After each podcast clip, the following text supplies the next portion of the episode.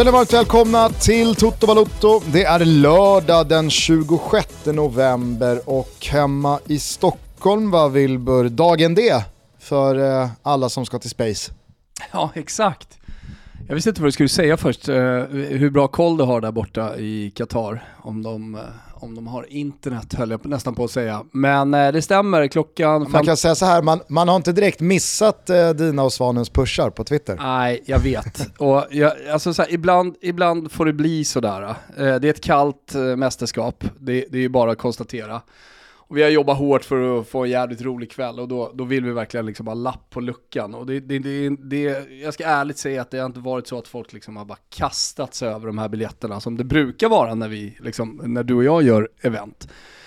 Men eh, fan, med hårt jävla jobb alltså, så fyller vi det där stället idag. Så det känns jävligt bra, det ska bli jävligt kul faktiskt. Mm. Ja, när ni hör det här så har ni väl eh, antingen redan dragit igång eller ska alldeles strax göra det. Men då kommer det väl några nya chanser för de som inte kan dyka upp idag. Absolut, vi har fyra gånger kvar så att, eh, det, det, är bara, det är bara att komma. Hoppas att ni kommer för att det, det är faktiskt jävligt roligt. Vi har gjort Oscars, vi har varit på O'Learys 12 men det här är någonting annat eh, och jag, jag, tror att det är lite av ett så här, ja, men om man är fotbollsintresserad och man är, eh, man är ung grabb höll jag på att säga, då blir det lite ett paradis där på Space, jävligt ball lokal och allt. Så att, eh, kom, kom, dit om ni inte har möjligheten att komma idag. Men eh, tjejerna är väl också hjärtligt välkomna? Nej. Inte det? Nu, nu, tog, nu, nu, nu blev jag Qatar där en stund. Nej, jag, jag, jag sa ung grabb, självklart är alla välkomna. Det blir ju lätt så att man pratar på det sättet när, när, eh, när vi har 97% män som lyssnar. Men alla är välkomna såklart. Ja, jag fattar. Hörni, det är eh, den sjunde VM-dagen. Den börjar ju faktiskt ganska så iskallt om man får säga så. Det är Tunisien-Australien som första match idag följt av eh, Polen mot Saudiarabien. Det är klart att den matchen är lite småintressant med tanke på Saudis seger mot Argentina och Polens 0-0 mot Mexiko. Ska Lewandowski och grabbarna floppa ännu en gång? Det händer ju sen i eftermiddag och kväll och det är inte så konstigt att ni har valt den här dagen att rama in på Space med tanke då på att det är Frankrike, Danmark och Argentina, Mexiko. Men jag känner att det är väl inte så jävla stor idé att sitta och prata om det som komma skall idag med tanke på att det här kommer komma ut om några timmar och det snabbt blir eh, gammalt. Så jag tänker istället att vi summerar och blickar tillbaka på dagarna som vi har upplevt sen senast vi eh, hördes. Då hade ju Saudiarabien vänt ett eh, halvtidsunderläge till ledning mot Argentina, stod emot hela vägen in på slutvisslan och upprörde en hel jävla fotbollsvärld. Det mesta är väl sagt om den eh,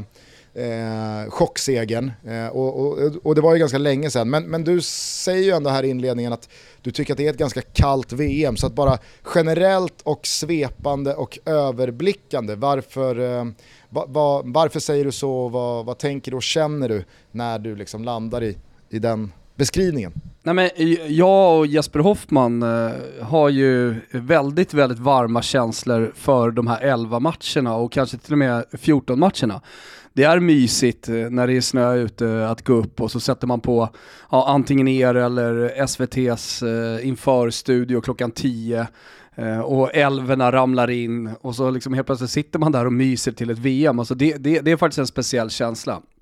Eh, men det är, det är ett kallt VM så tillvida, om, eller om man bara tar in känslor Uh, I och med att man får väldigt lite, i alla fall eh, fr från uh, er på TV4 och SVT får man väldigt lite känslor på plats, alltså från supportrar.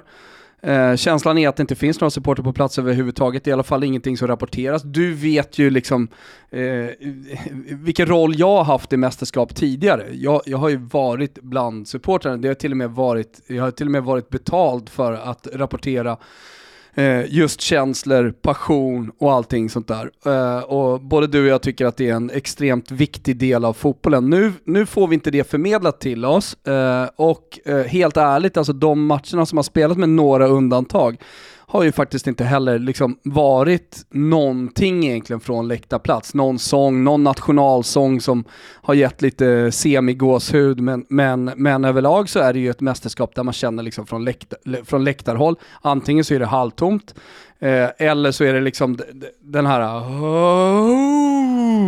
liksom den typen av ljud.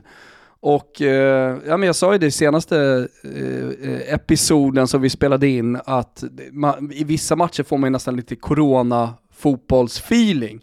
Eh, och så här, bortom, alltså så här, bortom det politiska som man är faktiskt jävligt trött på att höra, jag, jag måste fan säga det att jag är jävligt trött på att höra rapporteras om det här One Love-armbandet.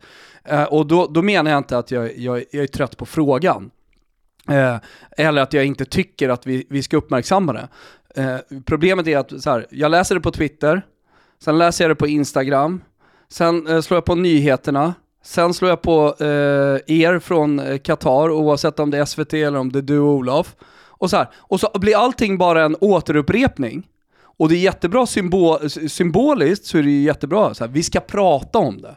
Man hamnar ju väldigt mycket så att vi, vi, ska, vi ska ju prata om det. Ja, vi pratar om det överallt, men så här, om jag nu ska kolla på det här eh, mästerskapet, kan jag då få, liksom så här, kan vi då pr prata om någonting annat eh, utom det här One Love eh, armbandet? Symboliskt jätteviktigt och det är bra att vi tar upp det, men du vet, det är i stort sett det enda, här hemifrån så är det liksom det enda, enda fokuset som finns. Uh, och uh, så här, då, då, då för mig, då, då, alltså så här, då försvinner, du frågade mig så här, ah, men du tycker att det är ett kallt mästerskap. Ja, för det är det enda vi pratar om. Det finns ju inga känslor, jag får inte, jag får inte rapportera till mig några, eh, någon, no, någonting annat än just den här, de här delarna. Det finns ju ingen liksom balans i det sportsliga eller vad som händer på plats eller, eller sådär. I, i, i, i no, någon kombination med med, med, eh, med det sportsliga. Alltså det enda lilla jag, liksom, jag, jag har fått är typ Tancredi Palmeris tw Twitter. alltså eh, där han har rört sig bland, eh, bland argentinska supportrar och sådär. Men eh, ja, långt svar på en kort fråga Gusten. Men, eh, men det, är, det, är, det är verkligen noll känslor, noll passion och utan det, det det är ju det är precis det vi pratar om när vi hamnar i supporter, eh, politiska frågor i det här landet och jag och Laul jiddrar med varandra. Det är för att jag inte vill hamna här. Nej. Det är för att jag tycker att det är så, alltså fotbollen, fotbollen dör utan eh, känslorna. Ja, men, och då ska vi eh, vara jävligt försiktiga med att ta bort de attribut som faktiskt supporterna eh, har för att skapa den stämningen. Så är det ju. Eh, jag, kan bara, jag kan bara hålla med kring eh, One Love-diskussionen eh, och debatten där kring den kampanjen. Det, det, det, är väl verkligen känslan att det börjar klinga av, att folk börjar precis som du känna en, en, en mättnad kring det där och att det, det, det, har blivit liksom för stort, för mycket fokus på det. Allt har sin tid och det är väl bara att hoppas att det klingar av i takt med att eh, fokusen på fotbollen ökar och jag tror att det, det, finns väl goda möjligheter för det i och med att Qatar nu eh, definitivt är utslagna. De kommer försvinna ur turneringen.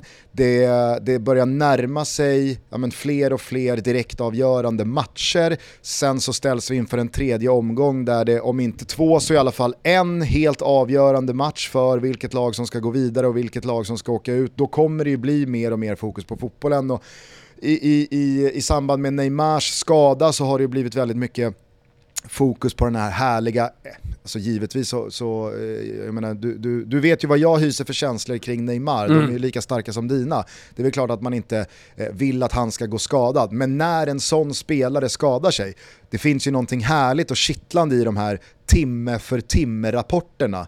Eh, man, man går bara och väntar på att Brasiliens lagläkare ska säga någonting och man ser hur eh, David Neves, eh, han eh, hänvisar till någon brasiliansk sajt och någon annan hänvisar till någon portugisisk sajt och det, någon, någon har hört någonting från någon jävla städare på Brasiliens hotell som har sett något. Alltså det är så här, det är ju det är ju härligt också.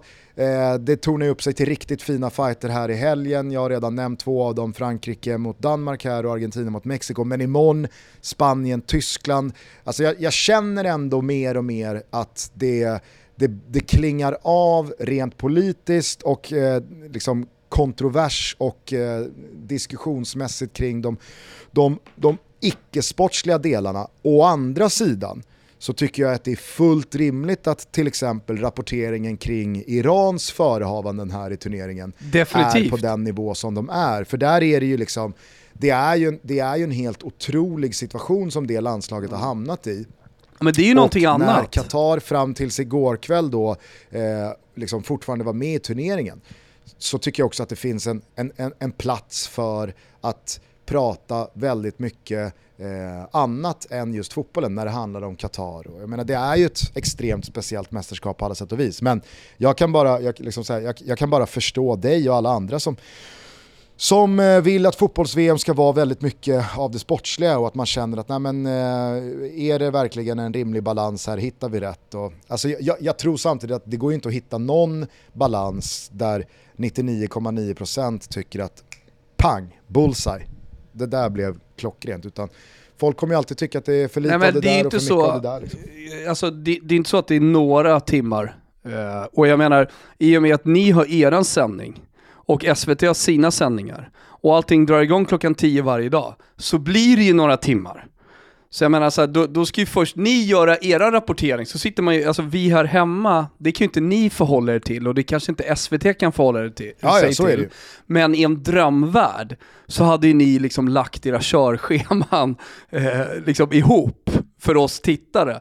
För att först, eh, alltså så här, ibland känner man att eh, de, alltså producenter och sådär, redaktörer, tar med det politiska för att de är lite rädda för att ja, vi kanske gör lite för lite politiskt så kommer vi få kritik.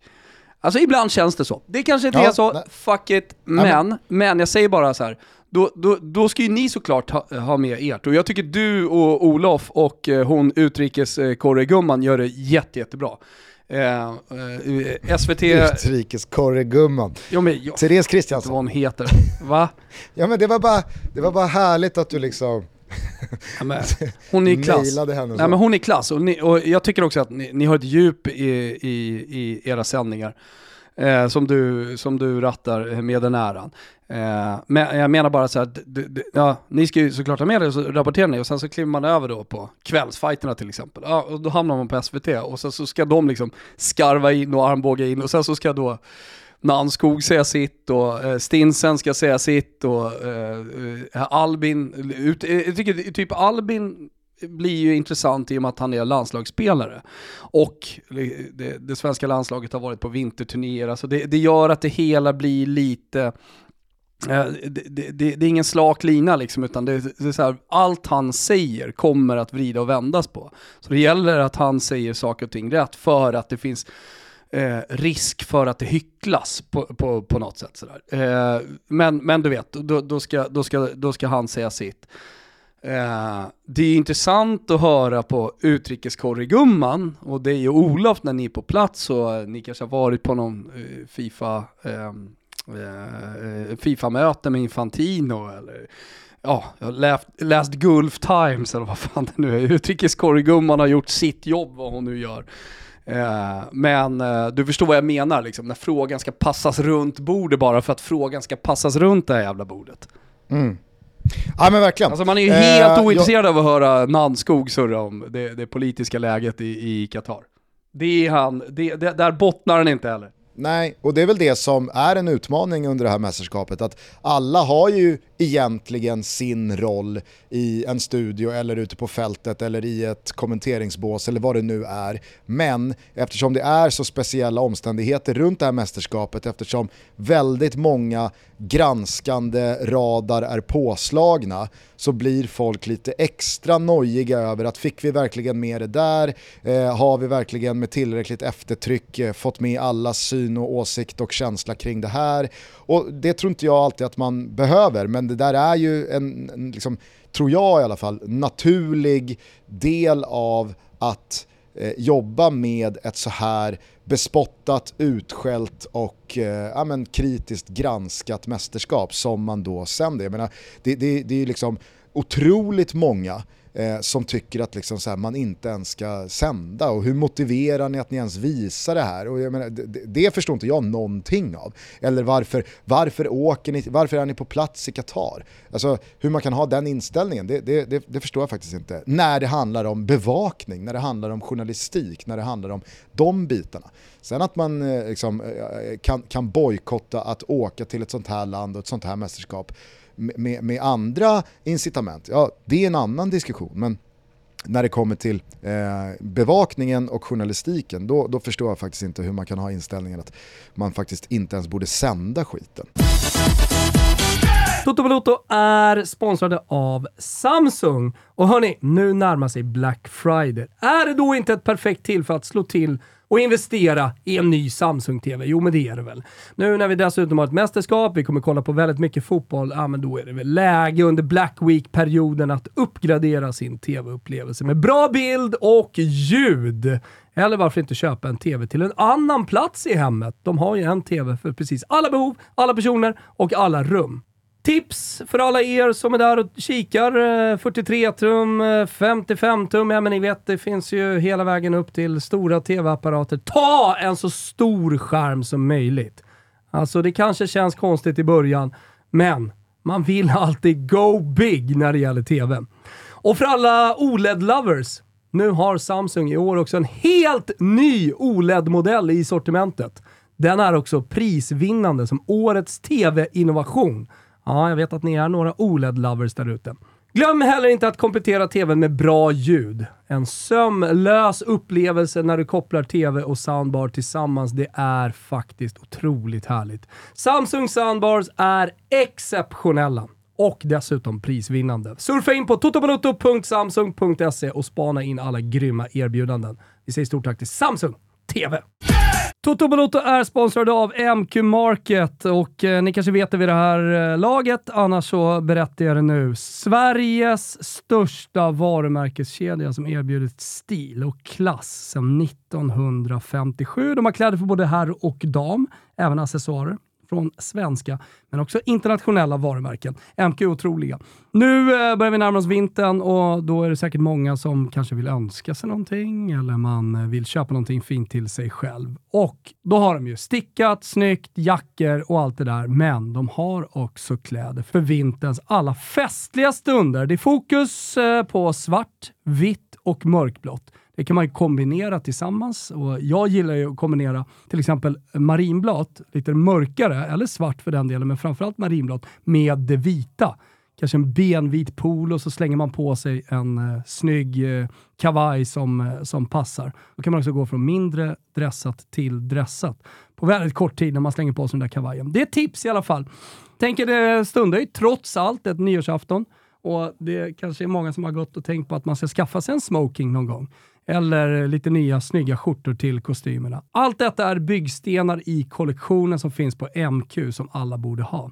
Varumärken som eh, jag vill lyfta, Bläck och Dobber. Otroligt eh, schyssta kläder eh, som jag gärna bär själv.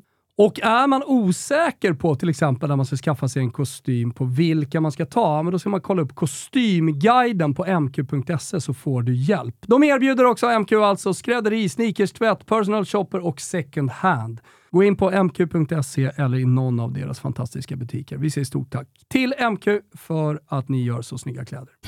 Toto Balotto görs i samarbete med Sambla, låneförmedlaren ni vet som jämför upp till 40 långivare helt kostnadsfritt. Eller, det kanske ni inte visste? Nu gör ni det i alla fall. Kolla om det finns möjlighet att sänka dina lånekostnader genom att helt kostnadsfritt ansöka på Sambla.se. Ni som har flera dyra lån med höga räntor, ni som jag som har suttit på ett gammalt sänglån eller ett lån inför en resa eller ett lån för en resa. Alla ni som känner att det här, min nuvarande räntesituation alltså, den vill jag banne mig se om jag kan göra något åt. Ja, då borde ni gå in på samla.se och se om deras jämförelse med upp till 40 olika låneinstitut kan hjälpa till. Jag gillar ju den personliga hjälpen och vill man då hellre rikta sig till någon som hjälper en, ja då är det bara lyfta på luren och slå Samla en pling. De finns endast ett telefonsamtal bort för att hjälpa dig att jämföra och se över lån. Vi säger tack Samla för att ni är med och möjliggör Toto Balotto kort bara innan vi, vi släpper eh, själva tv-makandet och våra sändningar runt det här mästerskapet. Jag nåddes av eh, Offsides eh, fredagsbrev igår, författat av eh, Anders Bengtsson. Mm. Av mig. Ja det var av dig. Du, du skickade det. Nästan, eh, nästan som ett väggspel.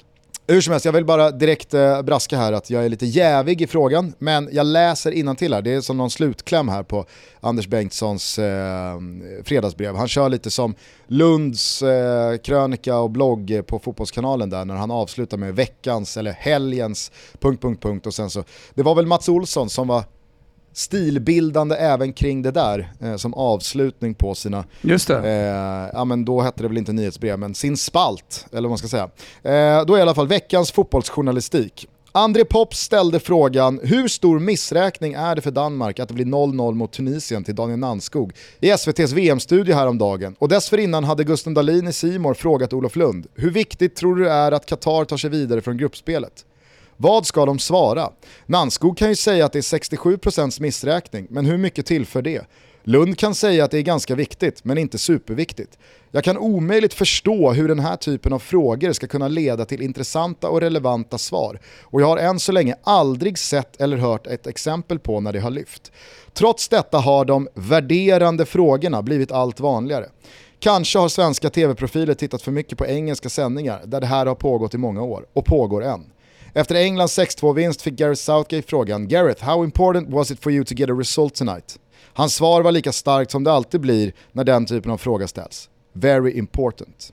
Jag tycker, alltså, jag, jag, jag förvånas över hur platt take det här är och hur dum Anders Bengtsson framstår när han skriver som han gör. För dels så tycker jag att han, han liksom är helt snett på det när han inte förstår eller tycker att en fråga om ett, för Danmarks skull då, ett resultat mot Tunisien som på väldigt många sätt och vis ses som en missräkning och är en besvikelse Alltså, det, det, sitter en expert i studion för att då kunna värdera vad den här poängen betyder. Där finns Albin Ekdal som har spelat, en som har spelat de här mästerskapen som vet att ja, men, det är en första match mot ett överkomligt motstånd. Att vinna den när man har Frankrike i nästa match, ja, men det, det, det, är en, det är en jättestor missräkning att missa de två poängen och ha den bufferten inför sista så att man inte behöver spela med samma kniv mot strupe. Alltså, det är ju därför Daniel Nanskog sitter i den där studion för att få den typ av frågor för att kunna ge ett sånt svar.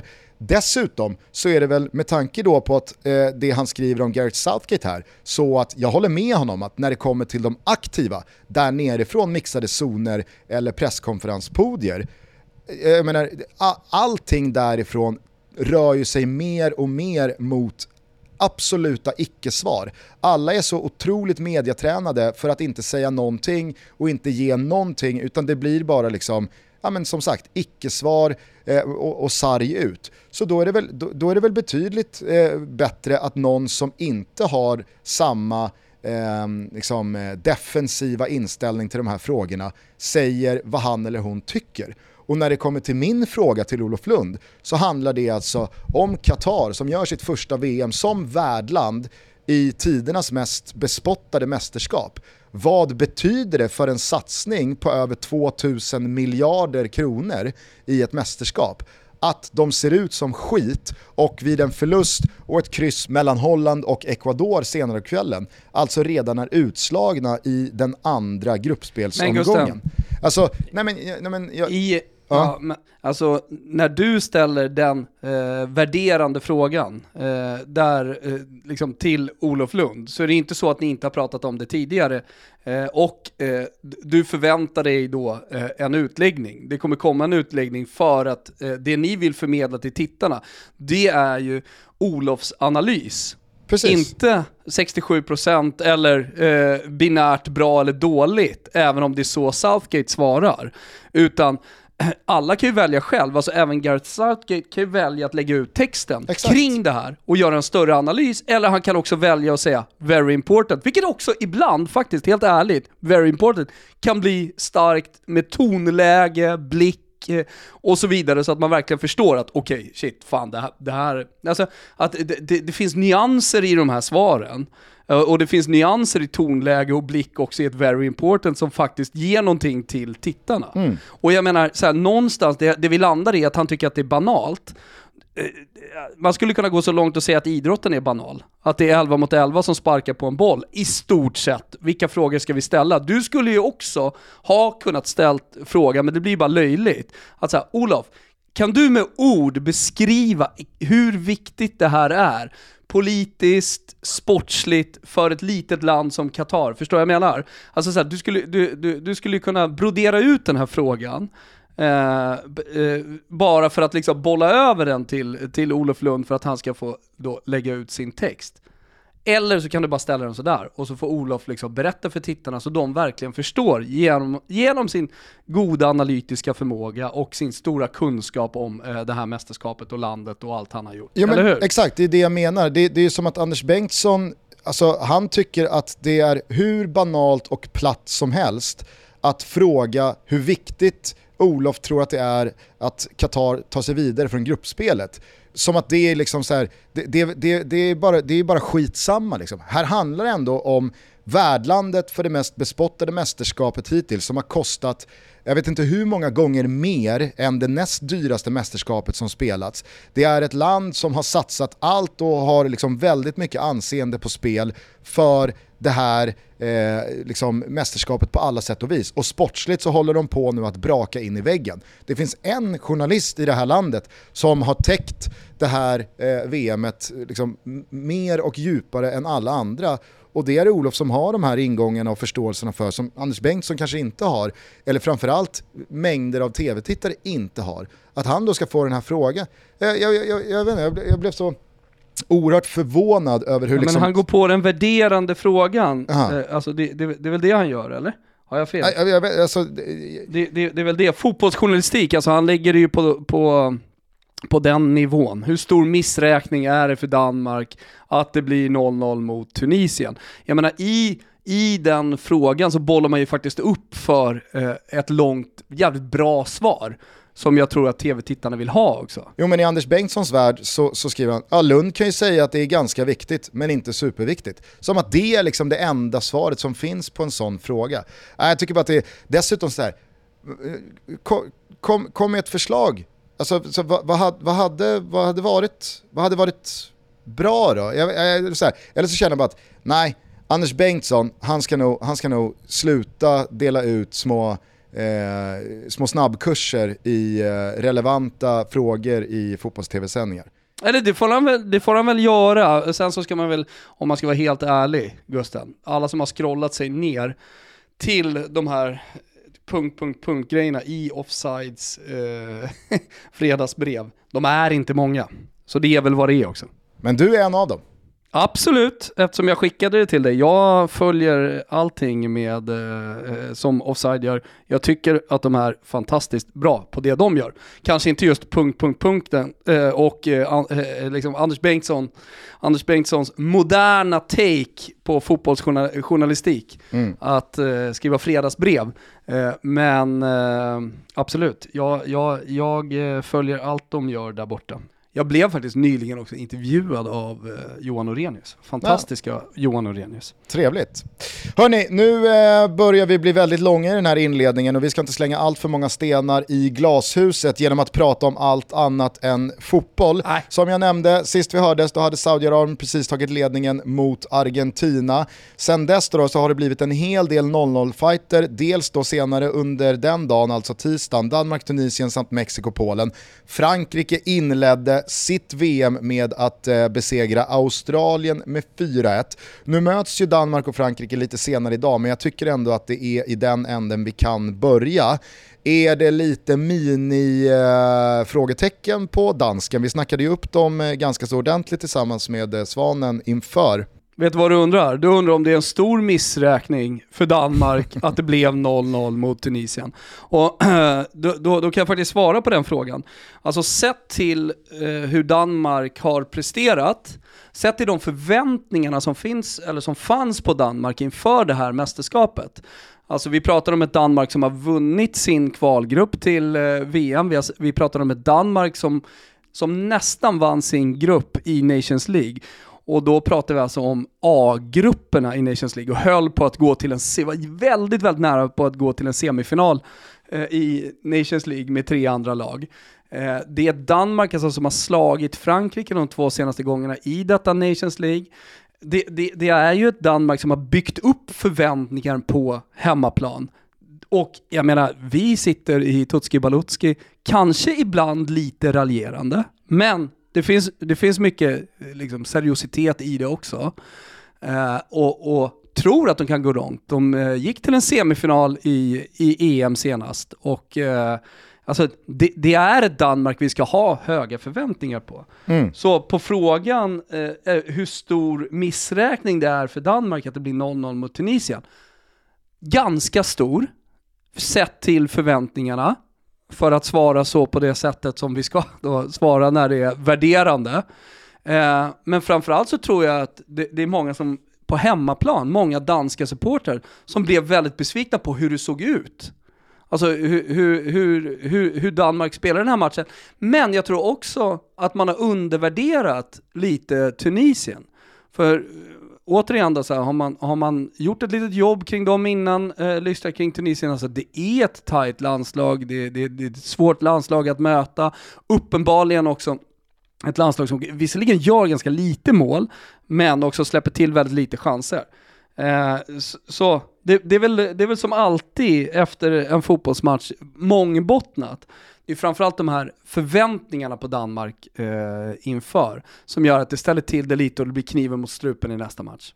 Ja, alltså jag eh, utgår ifrån att när ni hör det här så har eh, Tunisien och Australien matchen spelats så att vi behöver väl inte lägga mer vikt vid eh, vare sig Tunisien eller the Socceroos, men när det kommer till Danmark så tycker jag att eh, Backe eh, lyfte det tidigt eh, i våra rapporter härifrån. Vi pratade om det i, i Tutski Balutski också, att man undrar ju lite hur målskyttet ska produceras för att det är ju snarare i liksom mittfält och neråt i banan eh, det, det, ser otroligt solitt och eh, klassigt ut medan det framåt ja, men inte ser lika självklart ut och med tanke då på värmen, med tanke på att det är ett speciellt mästerskap med eh, en, en kort förberedelse, knappt några eh, träningsmatcher, det är många spelare som ska slicka sår och komma tillbaka från lite småskador. Det tror jag är liksom de största faktorerna faktorerna till att det har blivit väldigt temposvaga matcher, många 0-0-are. Alltså ett mål kommer man extremt långt med, två mål, ja men då vinner man matchen. Och mot ett lag som Frankrike så har jag väldigt svårt att se eh, liksom, eh, baggarna, frassbaggarna inte göra två baljer. Och, och, och, när ett lag som Frankrike gör, gör, ett par mål på dig, ja men då är det, då, alltså, om Danmark hade svårt att göra mål och skapa mot Tunisien så kan jag bara tänka mig att det, det blir lite tuffare mot Frankrike också. För att jag, jag, jag, jag har också pratat upp de här Nations League-segrarna tidigare i år, men det är ju någonting med de allra största länderna, att det är en jävla skillnad på Nations League och kvalspel kontra mästerskapen. Det är här och nu det gäller. Där finns det en växel att peta i för lag som Frankrike och Spanien och en del eh, länder till eh, från Europa som kanske inte liksom Danmark-kategorin av lagen har kvar eh, i, i, i växellådan. Eh, men det blir en jävla spännande match i alla fall, för jag tycker att Frankrike imponerade stort eh, i stora delar av sin premiär mot Australien. Man började lite svajigt där, fick en mardrömsstart med tidigt 0-1 i baken och i samma sekvens så drar Lucas Hernandez korsbandet och är out resten av säsongen. Eh, men från kvitteringen och framåt så kändes det som ett oerhört harmoniskt franskt lag som vare sig saknade Karim Benzema eller Nkunku. Eh, och Pogba och Kanté som var out sen innan tyckte jag inte heller eh, liksom, eh, saknades sådär speciellt mycket. Jag, jag ska inte övervärdera Australien, men med tanke på djupet som finns i den här franska truppen, med tanke på att man får igång Giroud och Mbappé direkt och Rabiot fortsätter sin fina höstform och att man dessutom nu, vad det verkar, till Danmarksmatchen får tillbaka både Varann och sen då att Deschamps eh, skiftar Pavard mot Koundé, Theo Hernandez in, eh, så känns det som ett Frankrike som ja, men, verkligen har ett riktigt bra lag på plats.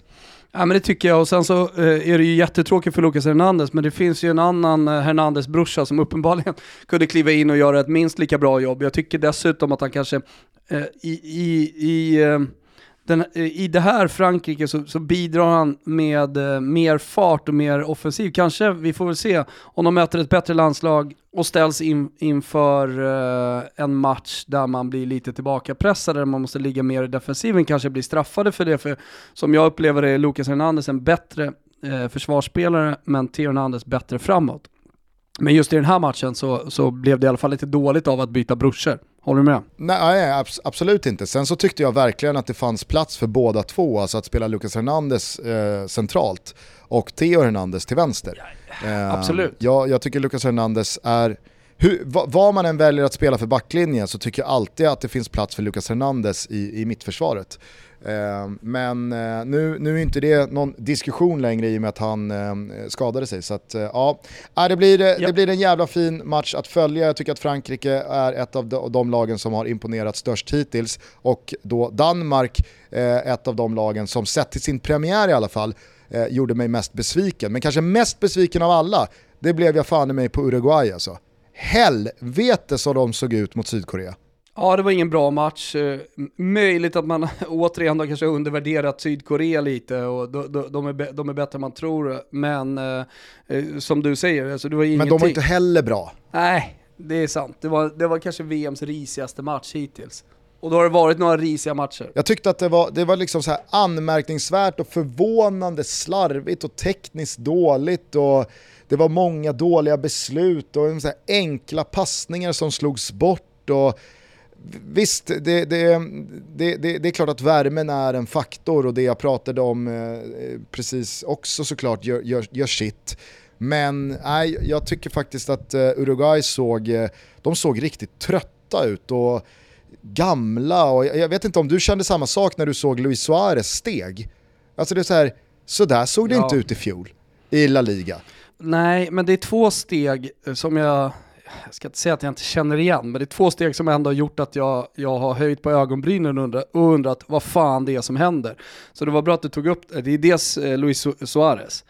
Det känns, är det något fel, det känns som att, är det något fel på planen där han springer? Där han springer, har det något fel på dojorna? alltså så här, jag, jag, känner inte igen dig gubben. Och sen så är det en spelare till, vet du om det är? Nej. Di Maria. Ja. Han, han, nu har han varit skadedrabbad, det är möjligt att han inte har studs i dojan så att säga i, i det här mästerskapet. Men, men han kunde inte ta sig förbi en, en spelare. Alltså inte ens bara vika in vänster från sin högerkant Nej. utan att bli av med bollen.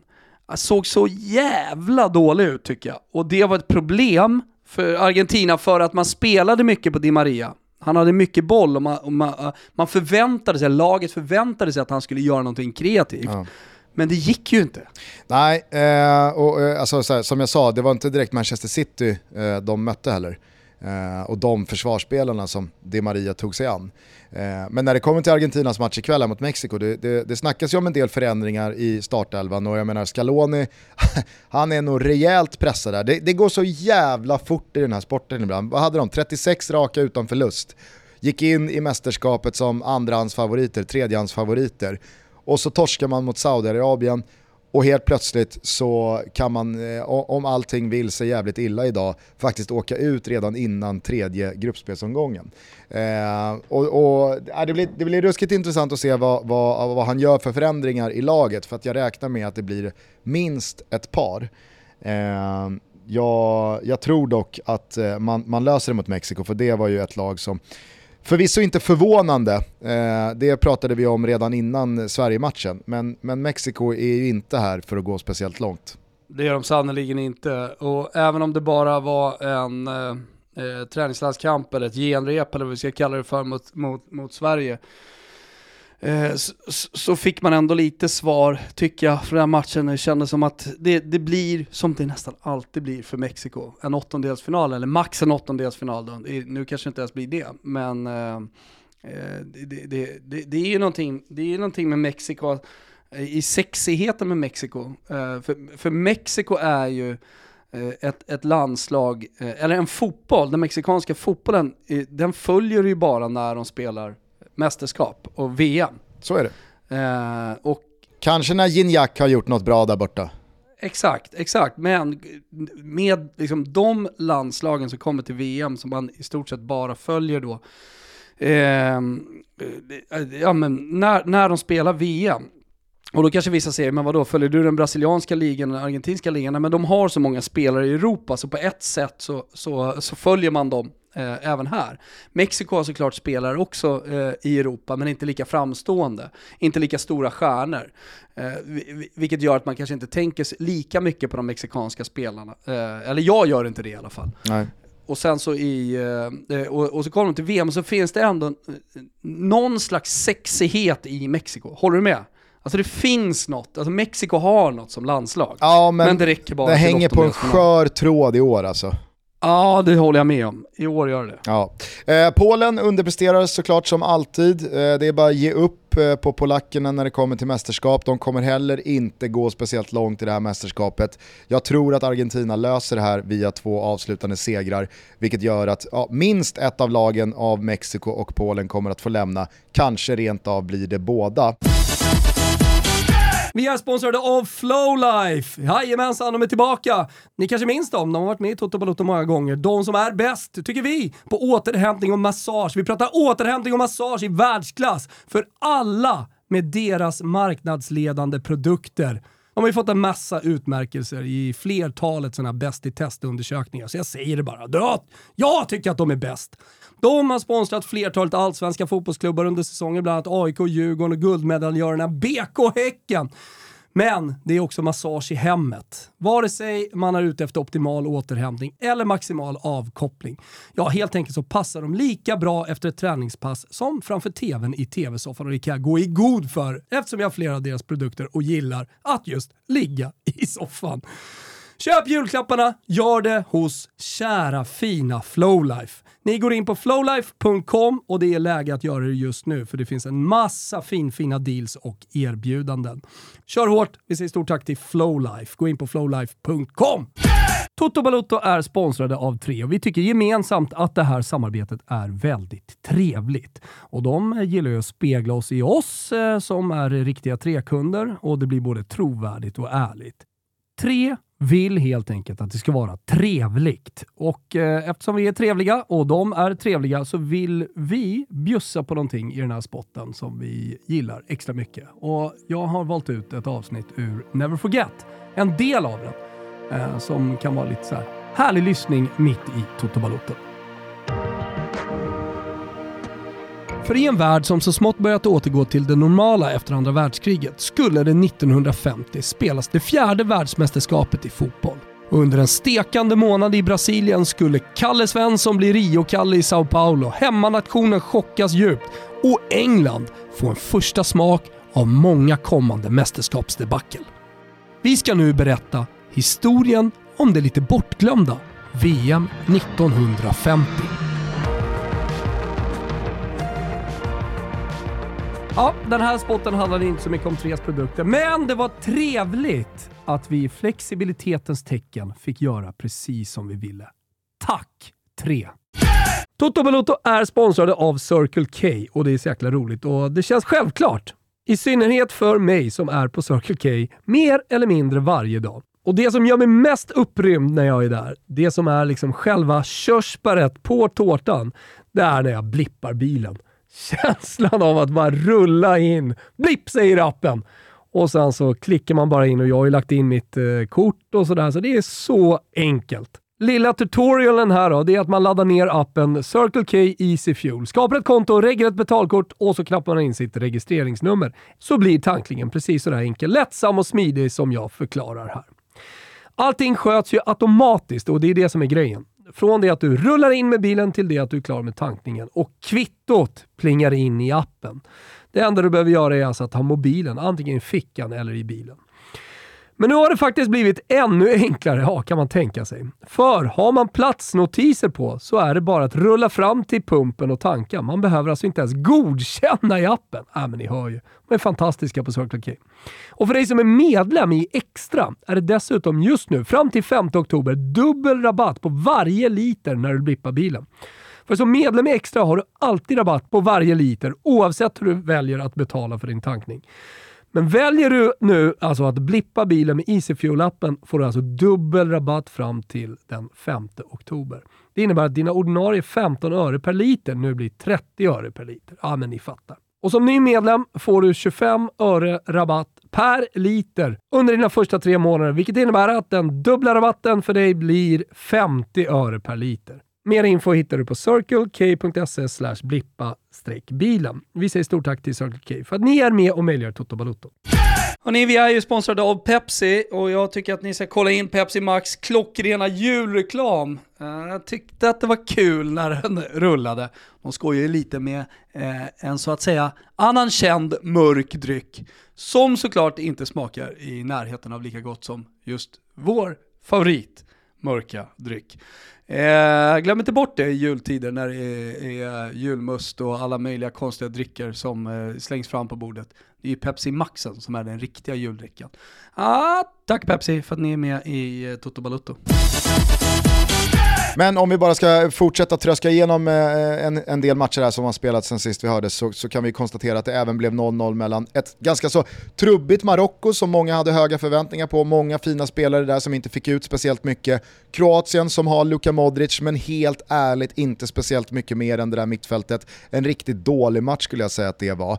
Sen så har vi då Tyskland mot Japan och där händer det ju onekligen grejer. Man vill ju ge så mycket till Japan för en sån här insats och en sån här vändning. Men när det är ett lag som Tyskland som faller, och på det sättet, så är det klart att det är där man landar. Ja men det, så, det var ju roligt och du sa ja, men den största besvikelsen så här långt och då har vi ändå Argentina och vi har ju framförallt Tyskland.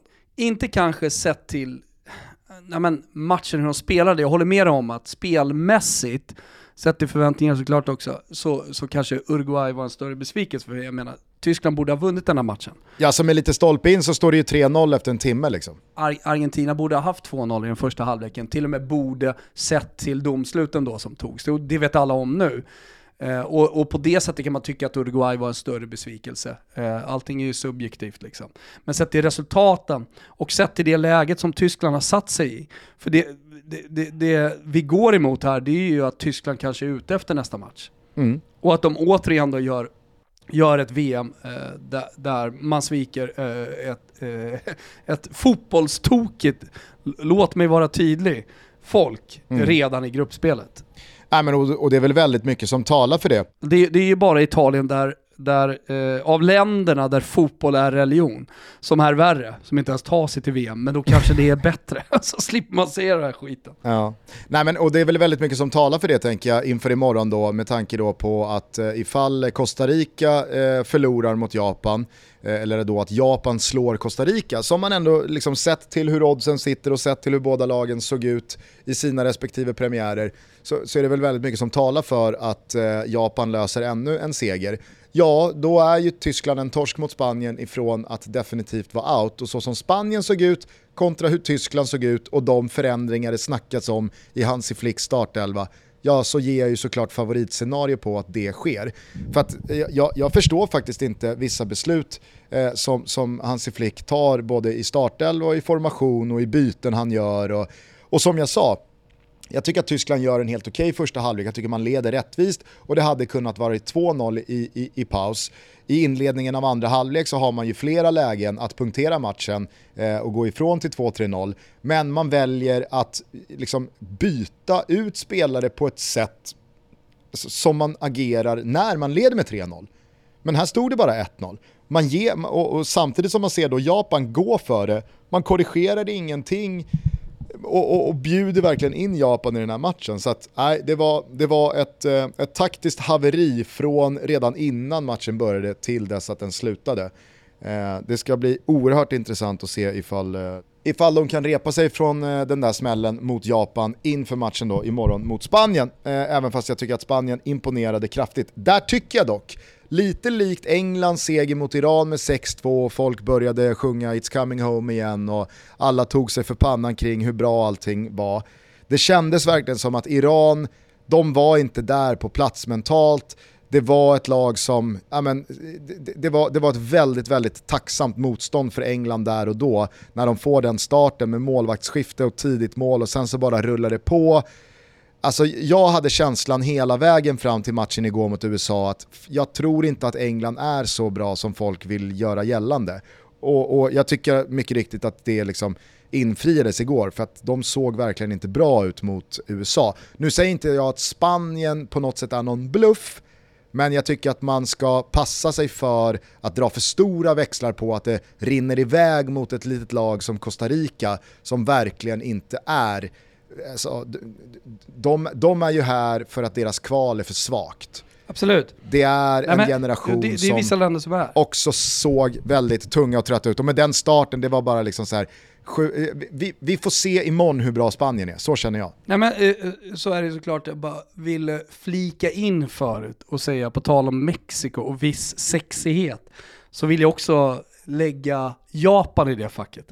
Att det finns viss sexighet under världsmästerskap kring Japan. Jag vet inte varför, det är bara så jag känner. Kan också, kan också tycka att Australien har varit där i tidigare VM. Australien vet jag inte, Japan kan jag hålla med om. Jag tyckte också det var väldigt roligt det du twittrade om tidigare idag om att Walter Sabatini, den eh, legendariska sportchefen i Italien, nu verkar ha låst sig vid att han ska värva japaner. ja. tre, de tre, fyra kommande värvningarna kommer att vara japaner. Ja. För har ni sett hur Tomiyasu värmer, äh, inte värmer upp, tränar? No. Vi, med vilken med vilken seriositet han går ut på träningsplanen. Man tänker nu, ju, efter att ha sett Japan här i VM.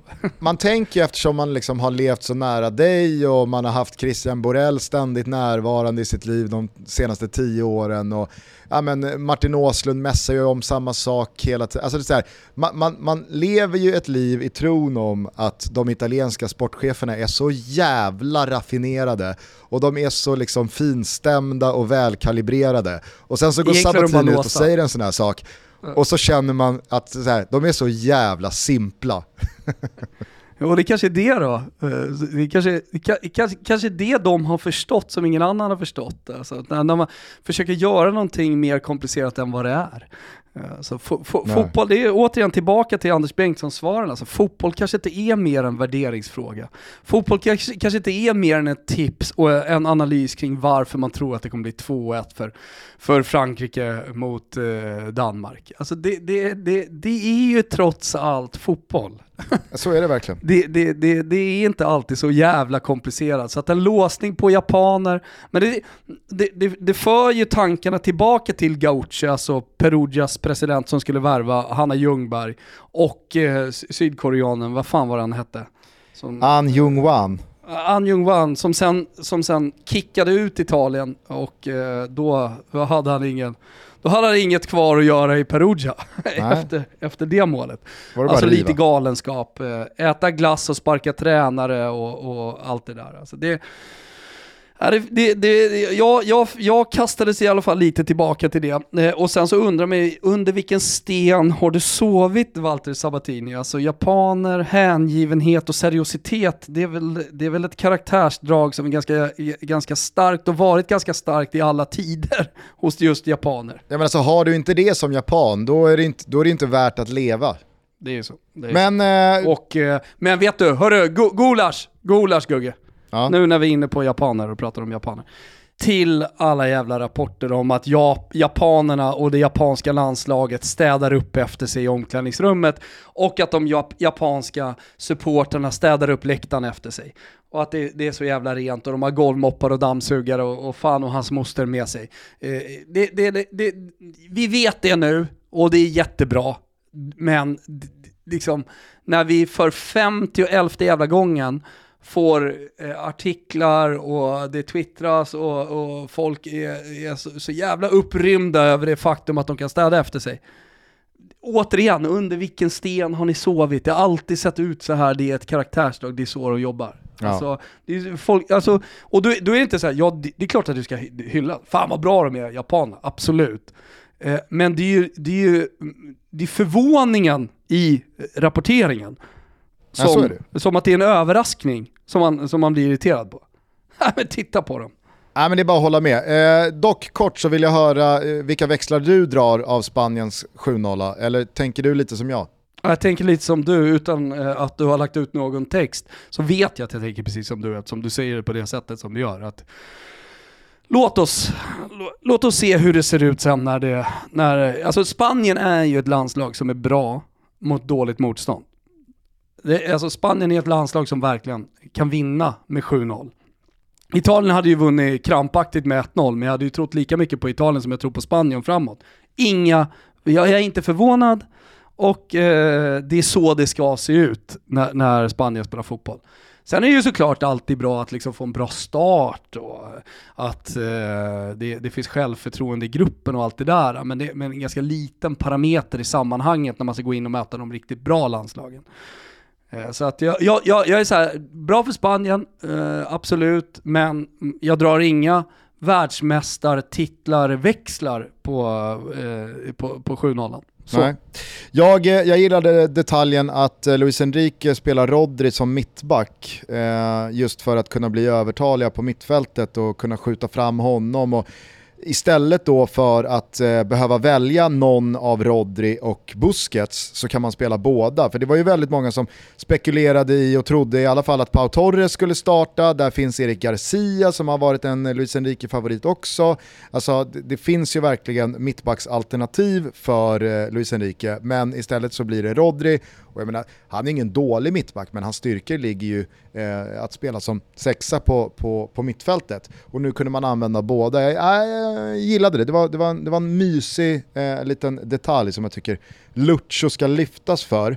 Eh, men återigen då, alltså, jag tror att Costa Rica bara är för dåliga och när det rämnar för ett sånt lag mot ett lag som Spanien, då är det som du säger, då drar det iväg. Eh, jag tycker att den första omgångens eh, mest oförtjänta seger togs av Belgien mot Kanada. Jag håller med dig. Eh, men man visste ju också när Kanada inte sätter sina chanser att eh, det, det här det, det, kommer landa i att uh, Belgien vinner den här matchen. Mm. Nej, verkligen. Men eh, så svaga som Belgien var spelmässigt, så ihåliga de var, eh, så, så tröga och trötta de också såg ut. Jag tycker att man kan, man kan sälla Belgien till Uruguay eh, eh, ringhörnan gällande de här parametrarna också jag tycker att liksom Kevin De Bruyne försöker, nu är det ju väldigt många som Alltså, det räcker ju med två bortslagna passningar eh, och, och, ett misslyckat skott från Kevin De Bruyne så tycker folk att han har gjort en, en, en usel insats. Jag noterade att han... Han fick... sa ju själv Gusten. Absolut. han menar... sa det ju själv, han fick en man of the match efter. Ja. Då, då, då sa han, jag vet faktiskt inte varför jag får det, för jag gjorde en kassmatch. Eh, förmodligen på grund av mitt namn. Ja, jo, jo, absolut. Men eh, det är ju också såklart en Kevin De Bruyne som han spelar ju ofta med känslorna utanpå och jag tror inte han drar sig för, i synnerhet inte när man dessutom har vunnit matchen. Då kan man ju kosta på sig att säga, som han sa eh, till Kücükaslan i mixade zonen, väldigt bra tycker jag, att äh, men det här är inte bra nog. Vi måste upp ett par nivåer alltså för att eh, kunna vara med och, och, och, konkurrera om att nå dit vi vill nå. men det här är, det är inte Belgiens VM. Det är nej, det tror inte jag heller, absolut inte. Eh, men, men eh, det var ändå anmärkningsvärt hur många spelare som såg så ja, men rent ut sagt svaga ut och att det, det fanns så oerhört lite kollektivt som satt ihop och inga kombinationer som funkade, långa lag som sagt ihåligt, det var lätt, alltså det är ändå Kanada, visst, det finns någon Alfonso Davis här och någon Jonathan David där, men det är inte så att det är liksom eh, no några världsklasspelare på var och varannan position, men Kanada såg ut som, eh, såg ut att vara två klasser bättre än Belgien jag håller med, jag tror inte alls på Belgien. Eh, och, sen är ju liksom Kanada färskingar i VM-sammanhang, så det kanske inte ska bära speciellt långt för dem heller. Men, men jag tror också att det räcker lite för att fortsätta föda det stora fotbollsintresset som numera finns i, i Kanada. Eh, och, och, som i slutändan kommer leda till att man föder fler och fler spelare. Alltså jag, vet, jag, hörde, jag hörde, jag vet inte om det var era studie eller någon annan, man pratade om USA, att man liksom gör en satsning, det är en stor tv-sport, eh, det, det, blir liksom mer och mer fotbollskom- det finns mer och mer fotbollskompetens i landet. Alltså det Kanada har gjort är att de har köpt in väldigt mycket fotbollskompetens. Eh, och inte bara det att man liksom har då tagit över från Europa, eh, sportchefer och tränare eh, för, för att eh, liksom höja nivån och lära sig. Men ma- ma- jag vet att man har också haft väldigt många utbyten. Eh, där man har tagit in, eh, låt säga det, så europeer som konsulter för att bygga sina akademier. Alltså ännu mer åt det hållet, jag tror att det är det som har gett störst resultat.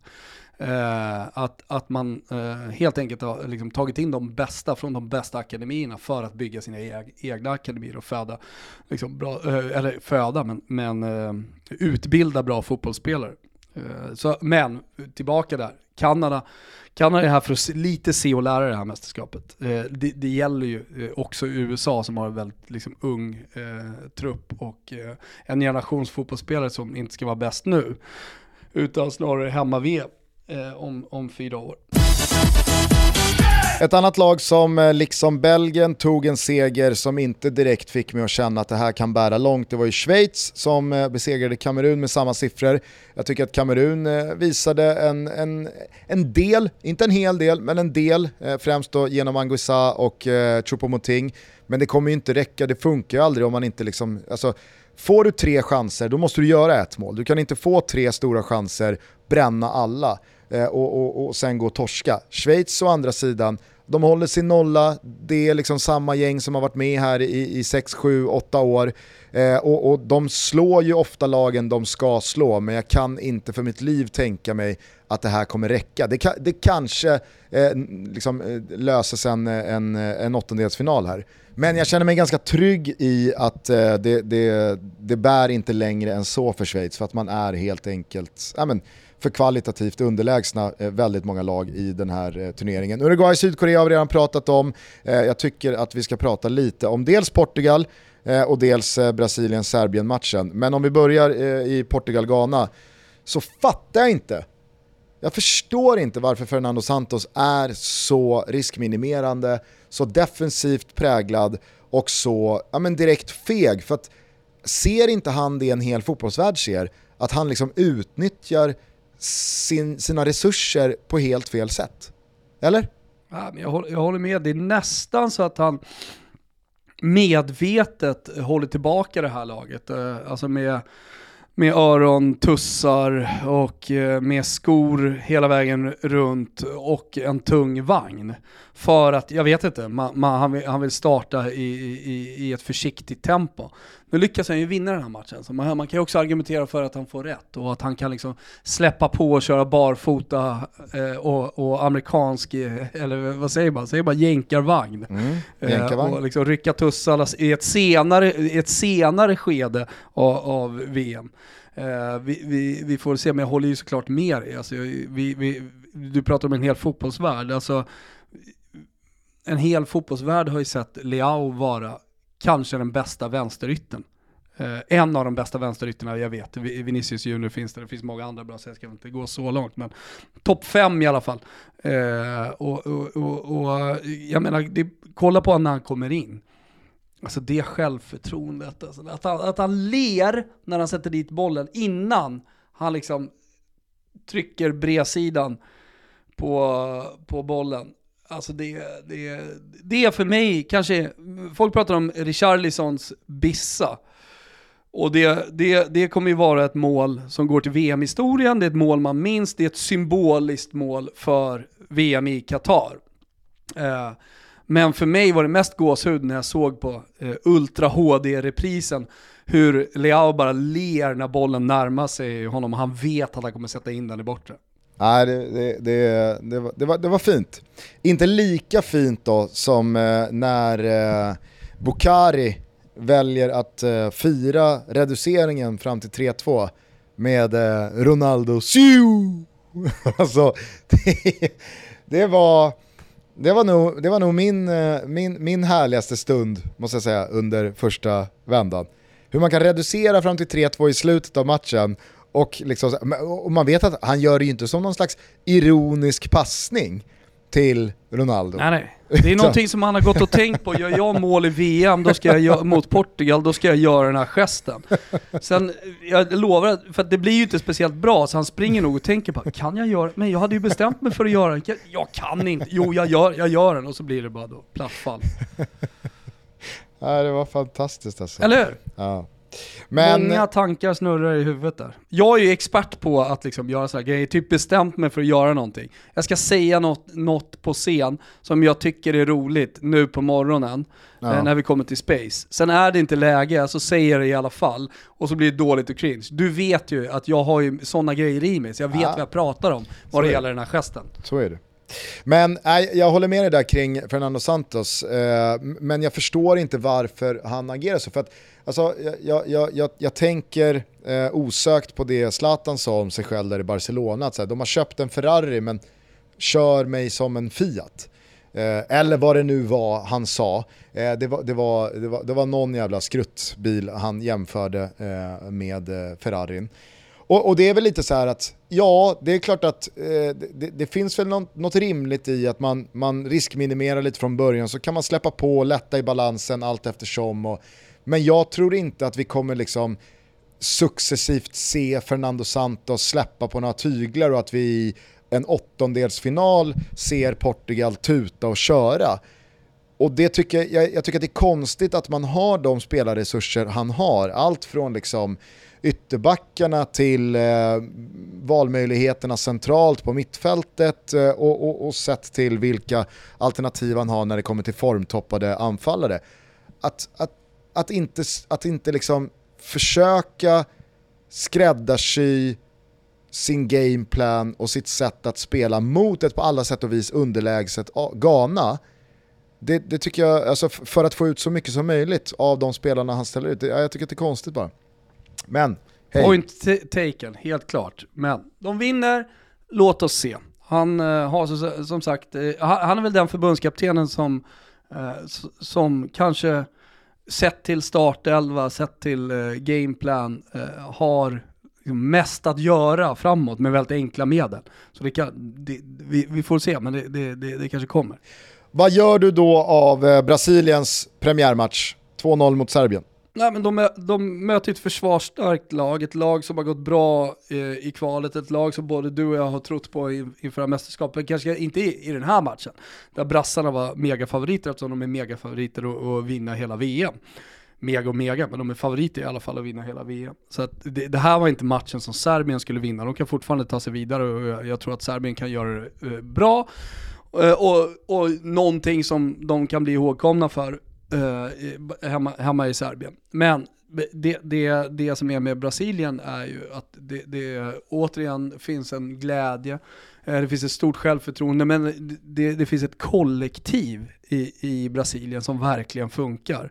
Jag, vet, jag tror det var Erik Niva skrev om det, just det här kollektivet, alltså när Neymar går av, eh, det, det är ju ett jätteavbräck såklart, men, men alltså då funkar Brasilien, jag ska inte säga att de funkar bättre, det var någon som ville dra det så långt, men eh, det var Kaká som, som drog det så långt faktiskt. Han sa i någon tv-intervju att han tyckte Brasilien blev bättre. Och det kanske man blev, men det kanske har, eh, har till eh, liksom, eh, match, matchens kronologi att, göra. Att man inleder på ett sätt, det ser ofta tajt ut första 25 och allting sånt där. Men, Jag tycker man inte kan dra det- några det- växlar det- av det- vadå, de avslutande 10 minuterna i 2-0-ledning mot ett Serbien som vet att det är Nej, kört. det är det jag menar. Eh, nej, eh, en ma- en match har sina skeden så att säga. Ja. Eh, me- Men, eh, me- men så, så att absolut, det, det är ett avbräck. Och eh, framförallt så tycker jag att det är jävligt tråkigt. Såklart att eh, ma- man kanske inte får se Neymar mer i det här eh, mästerskapet. Jag hoppas man hoppas ju såklart att han kan vara tillbaka sen till till slutspelet. Men med- Brasilien så är det ju eh, liksom att kollektivet funkar. Det, jag tycker att det ser jävligt bra ut eh, försvarsmässigt, eh, det ser bra ut centralt och framåt så är det ju helt jävla galet. Alltså när man sätter in Gabriel Jesus, Rodrigo, vilka var det mer för superspelare som, som kom in i den andra halvleken? Eh, och alla, alla verkar bara acceptera läget också, det är ingen som är sur där utan det, det är bara Copacabana, samba hela vägen till eh, tre poäng. Jag tycker det är kul också, det, för det, det, var, det var så tydligt tydligt från läktarhåll att eh, alltså, man började skruva på sig kring Richarlison som fram till första målet hade haft en ganska ja, men, trubbig och ganska svag insats. Och så vet man att Gabriel Jesus sitter där på bänken, även fast eh, de flesta av oss var med på att Richarlison är Tites första val och att han förmodligen kommer starta, så är det ju alltid lurigt det där. Alltså det blir ju en Kim Anders situation när det finns en sån given eh, anfallare att, att eh, liksom ersätta honom med om nu han har en svag match. Och efter en timme där så, så, så var det ju bara en tidsfråga innan han skulle plocka Richarlison och sätta in Gabriel Jesus. Och sen så håller han sig påpassligt framme och trycker in 1-0 på en retur. Några minuter senare gör han den första omgångens eh, liksom, allra mest eh, omtalade mål på det sättet. Han har då helt plötsligt gjort två mål, han är den stora hjälten. Nu är ju den där startplatsen cementerad, eh, i alla fall kommande två matcher.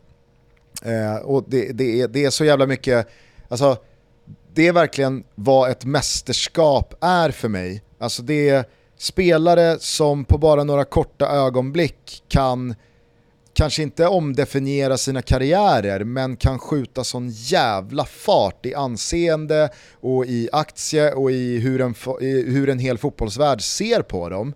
Eh, och jag, jag, jag, tror att Richarlisons eh, liksom, eh, skill skillnaden på hur världen pratar om Richarlison från den 58 minuten till den 78 minuten är liksom, eh, den, den, är, den, är, den är total.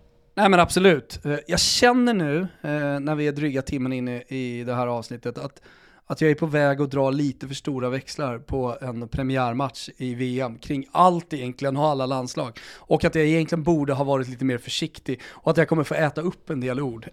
men eh, jag, jag, håller med dig kring eh, Richarlison och, och, och Brasilien. Alltså det, det, de svaren, sett till Eh, förväntningar och, och allting. Alltså de svaren jag ville ha från Brasilien var att det var lekfullt eh, och att så här, kollektivet funkade. Eh, de spelarna som kommer in, för det kommer vara stora spelare på bänken, de kommer in eh, och, och, är lika glada och eh, lik, dansar lika mycket samba som de som har startat gör. Och det känner jag med, med Brasilien. Och det, det, med, bättre svar kan du inte få. Nej, så det är liksom bara check i alla boxar på, på Brasilien. Jag tycker dessutom, alltså till skillnad från typ Spanien som gör det mot eh, Costa Rica, eh, England som gjorde det mot Iran och så vidare. Jag tycker att Brasilien möter ju sin grupps svåraste motståndare jag, jag, jag, tror att eh, Kamerun och Schweiz är betydligt enklare motstånd för Brasilien än vad Serbien var. Jag hoppas, även fast Serbien med all önskvärd tydlighet återigen då eh, verkade liksom på ett ganska osympatiskt sätt få det här att handla om eh, liksom, eh, någon, någon, någon, smutsig inrikes Balkanpolitik och de, det var någon flagga där som upprörde väldigt många. Jag kan det där alldeles för dåligt men jag förstår att det är, liksom, jag förstår att det är osmakligt. Men om vi fokuserar på det sportsliga så vet ju alla som lyssnar på det här att jag gillar Serbien ja. och jag hoppas att eh, inte den här förlusten eh, låter dem nedslås allt för mycket utan att de repar mod här och löser två segrar för att gå vidare i den här turneringen. Vilket jag har gott hopp eh, om. Eh, kan, kan Kim välja valfri religiös bön? Eh, han får välja vilken religion han vill. Eh, och så bara lutar vi oss alla tillbaka, eh, liksom tar ett djupt andetag, blundar och så ber vi en bön för Antonio Cassano. Jaha. Jag vet inte, uh, jag vet inte om du, alltså jag, nu, jag, nu följer jag ju hans sändningar med Bobo Vieri och, och Lele och, och gänget. Eh, och jag tycker att det är väldigt, väldigt roligt. De kör ju då eh, ja, men, ett surr tillsammans. Där är en närbild då på alla fyra, eller det är olika gäster och så vidare. Det är Bobbo som, som leder alltihopa. Eh, det italienska ordet pippa är ju då eh, inte som det svenska att pippa, utan det, det är en sopa. Ja. Uh, och med det sagt så kan vi väl bara, nu, nu vet alla att det, det, är en, det är en riktig jävla sopa, Pippa. Så här lät det i alla fall när eh, Casano kommenterade att Richarlison var med i truppen och inte Firmino. Ja. Può convocare Richarlison che è una pippa e non Firmino che è un fenomeno. Richarlison è una pippa. 75 milioni di euro l'ha pagato il Tottenham. Firmino per me è molto più forte. E Richarlison per me è una pippa. Ja, eh, Richarlison är alltså då eh, Pippan. Han är så jävla dålig alltihopa. Och sen så gör han den matchen. Det är så jävla roligt bara. Ja. Får ju så mycket skit nu. Han får ju så mycket skit nu. Men det kommer han säkert, Ja, bara eh, det. Jag kommer han säkert avslutar med klara lilla sig. bönen. Han kommer säkert klara sig. Det brukar han göra. Ja, han blir Peter bara Pan. större. Eh, hörni, eh, åtta av eh, lagen har ju spelat eh, två matcher. Jag tänker bara kort eh, innan vi släcker ner detta lördagstutto och vi ger oss i kast med VMs sjunde dag. Eh, cred till Iran som samlar ihop eh, spillrorna efter den där premiärförlusten mot England och med tanke på allt som pågår hemma i Iran och runt landslaget här i Qatar så tycker jag faktiskt att det var jävligt starkt hur man står upp mot Wales och eh, i slutet går ifrån till att eh, ta en 2-0-seger. Jag tycker att eh, Senegal Eh, de, de, eh, de, de imponerar eh, utan eh, sin Sadio Mané och igår så fick man dessutom klara sig utan eh, Kouyaté och att man då liksom, även fast man kanske borde ha åkt på en straff mot sig vid ställningen 0-0 så från 1-0 så, så tycker jag att man, man vinner det här rättvist. Qatar utslagna, känns bra i magen på något sätt. Cody Gakpo, showen rullar vidare. Eh, nytt mål igår mot Ecuador, men fan vad fina Ecuador ser ut. Jävlar vad jag gillar dem. Ja, och Ener Valencia i topp där eh, någonstans. Eh, som eh, dels, alltså, han, han utstrålar allting man vill från en stjärna och en ledare i ett landslag. Eh, han, han, är, han är ju liksom spelaren som, som ser till att eh, vinna en åttondelsfinal åt sitt land. Och för evigt bli en hjälte. Eh, att, att han har prickat den Dessutom formen- ruskigt fina dräkter på Ecuador. Ja men det där, det där kan ju, vi har pratat om det, eh, alltså det ansvaret kan ju tynga ner en spelare. Alltså det, det, det är ju det ansvaret vi har pratat om kring Leo Messi, att han inte eh, lyckats bära Eh, un, under sina år eh, i, med den argentinska landslagströjan. Och att det kanske då blir, blir annorlunda här nu när man har vunnit Copa America. Även om den första matchen är Leo Messi snarare tvärtom. Att han, han känns tung och han känns eh, liksom långt ifrån någon eh, megaform och han känns långt ifrån att bära sitt landslag till ett VM-guld just nu. Så får vi se om det ändras. Vi ska inte dra för stora växlar sa vi efter den här första omgången. Men vad det gäller Enner Ener Valencia så pumpar ju bara bröstet fullt av bra syre och eh, han, han blir liksom dubbelt så bra eh, än vad han kanske har förmåga till att vara egentligen. Eh, och det, det, det tycker jag är härligt med den typen av spelare som, som älskar att ta det här stora ansvaret med, med en hel nation på sina axlar. Ja, det blir en fin avslutning här. Holland kommer givetvis eh, göra vad de eh, behöver mot Qatar och gå vidare på sju poäng. Men en direktavgörande match mellan Senegal-Ecuador i tredje rundan smakar ju mumma. Vi berörde lite kort också eh, för länge sedan i avsnittet eh, Englands match igår mot USA.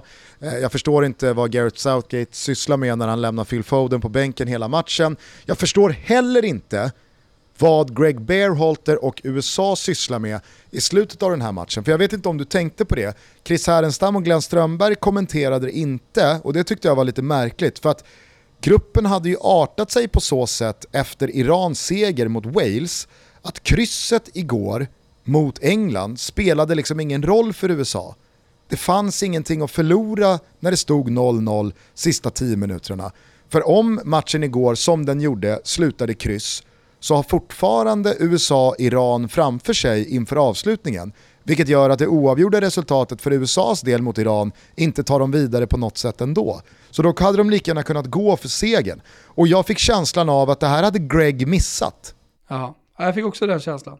Möjligt att det fanns trötthet och sådär också, men, men eh, det fanns ju ingen desperation i att vinna matchen i alla fall. Nej, vilket var så oerhört märkligt när man har det tabelläget och de förutsättningarna som man hade. Sen så är det väl som du säger, det, det, det är väl kanske inte bara att trycka gasen i botten efter 85 minuter eh, mot ett lag som England, men det var ju heller inte ett England som eh, alltså, dominerade matchen på alla sätt och vis Man och, hade och kunnat riskera mer, det är USA. det. Ja, och det var, och det, alltså, det var nästan, jag vet inte om du tänkte på det, men USA får ju en frispark i ytterzon i 96 Mm. och alla visste att det här är det sista som händer. Det var nästan liksom skicka upp keepern-läge, kände jag. Ja, Men faktiskt. jag tror ingen hade en tanke på det i liksom USAs håll. Nej. Ja, ja, det var det. Eh, nu är det alldeles strax dags för mig att eh, dra på mig en eh, kostym och eh, bege mig mot eh, arenan som hostar Frankrike och eh, Danmarks match. Eh, jag ska dock först intervjua Peter Wettergren, den svenska assisterande förbundskaptenen som vi gillar så mycket han gjorde ett bejublat eh, gästspel i Toto Balutto för något år sedan.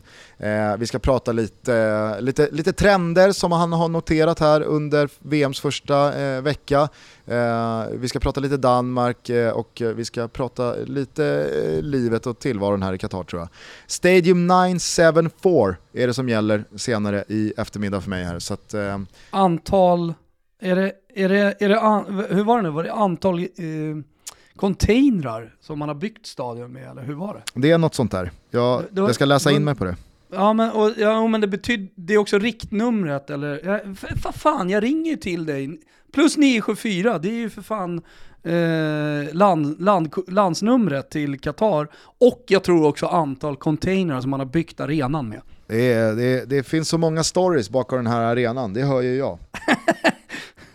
Jag tror att det tar stopp där dock. Jag tror att det var det. Eh, hörni, ha det så jävla kul på Space. Eh, vi fortsätter att rulla på med Toto Balutto. Vi kan dock inte lova ifall det blir måndags-Toto, tisdags-Toto eller rent av onsdags-Toto. Vi får helt enkelt se Nej. när nästa lucka ges. Eh, det ni i alla fall eh, vet och det vi kan lova det är att VM rullar vidare och att ni följer varenda sekund av det här mästerskapet via Simor så att eh, vi ses genom rutan eh, redan senare idag.